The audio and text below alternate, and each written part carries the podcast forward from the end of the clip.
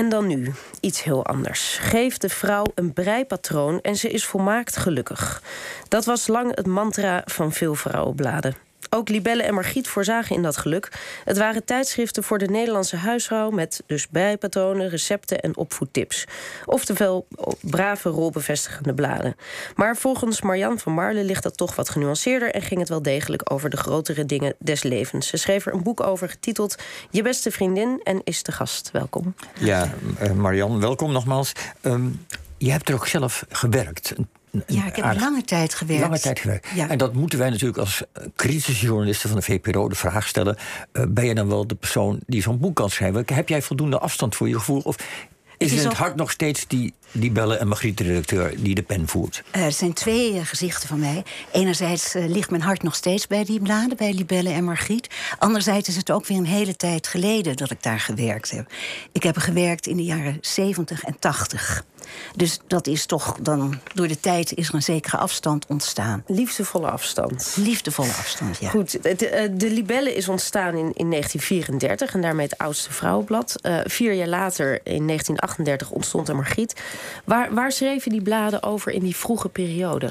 Ja, toch de, de zaken die de huisvrouw betroffen. Kinderen, kleding, koken, uh, mode, heel veel mode. Dat was een van de belangrijkste pijlers. En daartussendoor kwamen langzaam maar zeker wat relatiezaken. Maar zeker voor de oorlog lag daar niet het uh, accent op. Dus vrij praktisch. En ook dromerijen. Ik in het eerste nummer van, uh, van Libelle staat dan een verhaal over uh, ja, uh, een filmster. De beroemde filmster, de Zweedse filmster, Greta Garbo. Hoe die van een eenvoudig meisje droomt over een carrière als actrice. En ze werkt in een, een simpel modezaakje. En haar droom wordt waar. Dus in die donkere jaren, de dertiger jaren, was er ook behoefte aan uh, ontsnapping. Nee, maar ik begreep wel dat Libelle en Margriet allebei wel heel erg voor inderdaad de, de gemiddelde vrouw zijn. En dat er niet te veel uh, met uh, actrices en on, dat, dat verlangen, wat, waar heel veel bladen ook mee spelen, zoals grote modebladen, ja. folk en zo, dat dat dat het juist heel erg gaat om dicht bij de, gewone vrouw blijven. Ja, het is toch ook wel een beetje de zogenaamde sandwich-formule.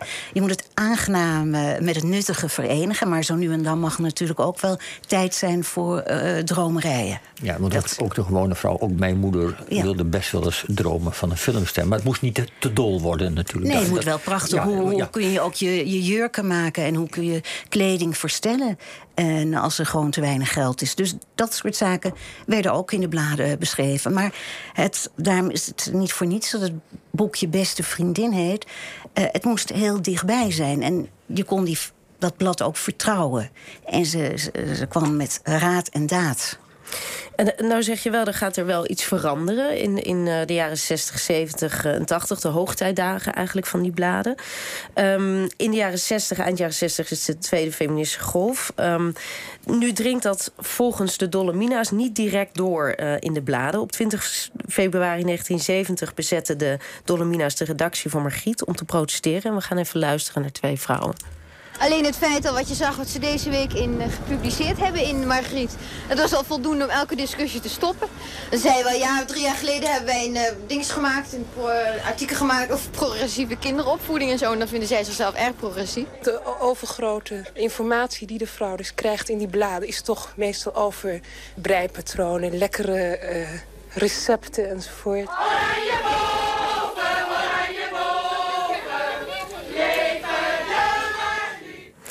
Ja, de bladen waren volgens hen uh, te rolbevestigend. Uh, eens in de drie jaar een artikeltje over een emancipatieonderwerp was niet uh, genoeg. Hoe, hoe, kijk jij daarnaar? Want jij zegt, er, er is wel degelijk, gaat er iets verschuiven. Ja, ik geloof dit fragment is uit 1908 of 69, zeiden jullie dat? 1970. 1970. Nou, eens in de drie jaar, zegt degene hier, een stukje over het feminisme. Maar dat feminisme, echt Dolomina, kwam volgens mij in 69 echt naar voren. Dus eens in de drie jaar, dat klopt dan eigenlijk eigenlijk Kijk, hier spreekt het meisje met het hart voor een blad die ja, het harde ja, feiten verdedigt. Harde, Zo moet het. Dus dat, maar, dat hoe, maar, maar, in algemene zin was de kritiek terecht. Uh, Ja, weet, ik vind de kritiek eigenlijk niet zo terecht. Omdat de bladen gingen mee met de tijdgeest, ademden mee met de tijdgeest. Dus het is heel moeilijk om te schrijven over feminisme... als dat er eigenlijk in de maatschappij zich ook niet zo ja, aan... wacht nou even. Er was natuurlijk wel een discussie over baas en eigen buik. Er was een discussie ja, over... maar daar deden ze heel... Juist. Dus, maar hoe stond jij daar nou in? Je was een jonge vrouw toen, van Ja. voor in de twintig. Ja? Hoe stond jij daarin? Zei jij, dames, er moet een stuk over de pillen... er moet een stuk hierover in. Hoe ging jij daarmee om? Eh, ik had niet die bevoegdheid om te zeggen... eh, om de inhoud van het blad toen ter tijd te bepalen. Dus dat wil ik wel even recht zitten. Dat kwam pas later in de jaren tachtig, niet in de jaren zeventig. Maar op de redacties heerste toch een sfeer... en dat was met name dankzij ook Hanny van der Horst... die daar echt eh fel op gingen. Legalisering van abortus. Daar heeft eh, Margriet ontzettend haar best voor gedaan. Ook eh, in, in de jaren 70, maar ook verder in de jaren 80. En toen in 1984 kwam, geloof ik, de, de, de officiële wet op de legalisering op abortus. Maar men was niet tevreden met die eh, wet. En eh, ja, ik vind het wel grappig als je zo die bladen doorneemt.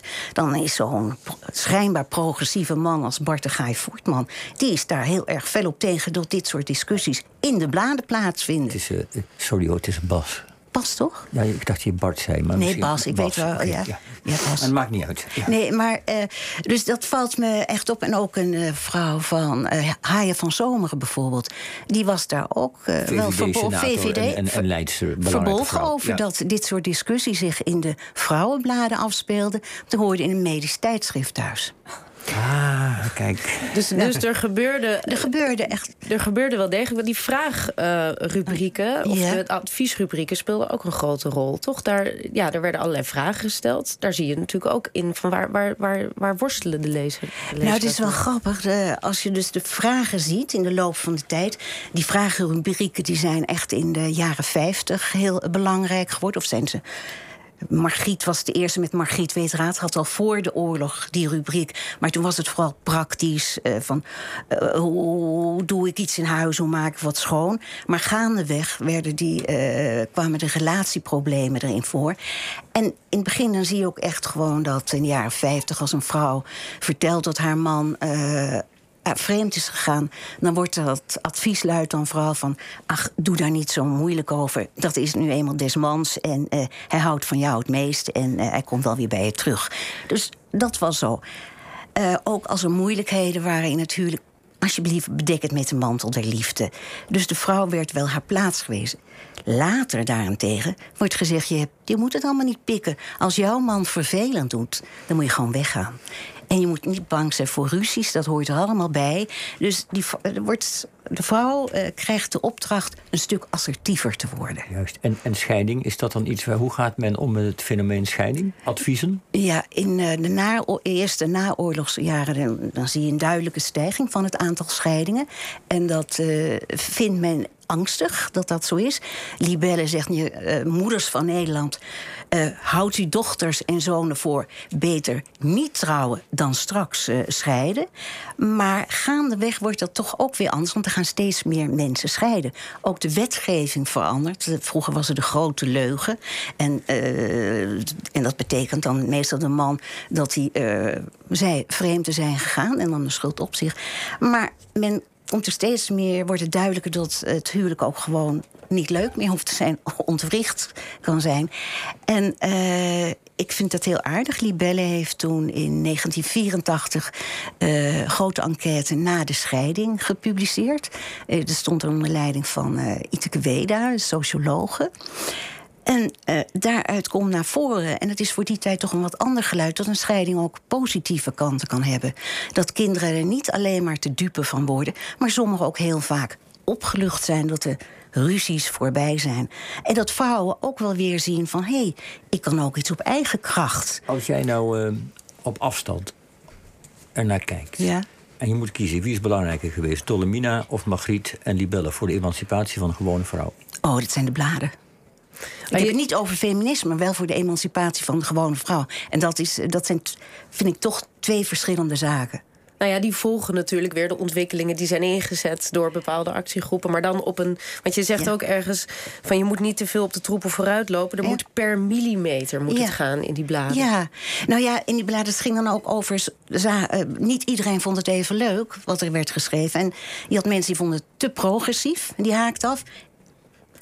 En, er waren mensen die dachten, nou, dit is zo truttig, ik haak ook af. Dus het gaat net ja, om dat moesten laveren. Ja. Stapvoet eh, voorwaarts. Tot kort, heel slot, is er nog toekomst voor de bladen? Want het was heel lang inderdaad de beste vriendin... maar dat gaat nu toch wel uh, wat minder met de oplagen. Nou ja, het is misschien niet meer een beste vriendin... maar wel een hele goede bekende.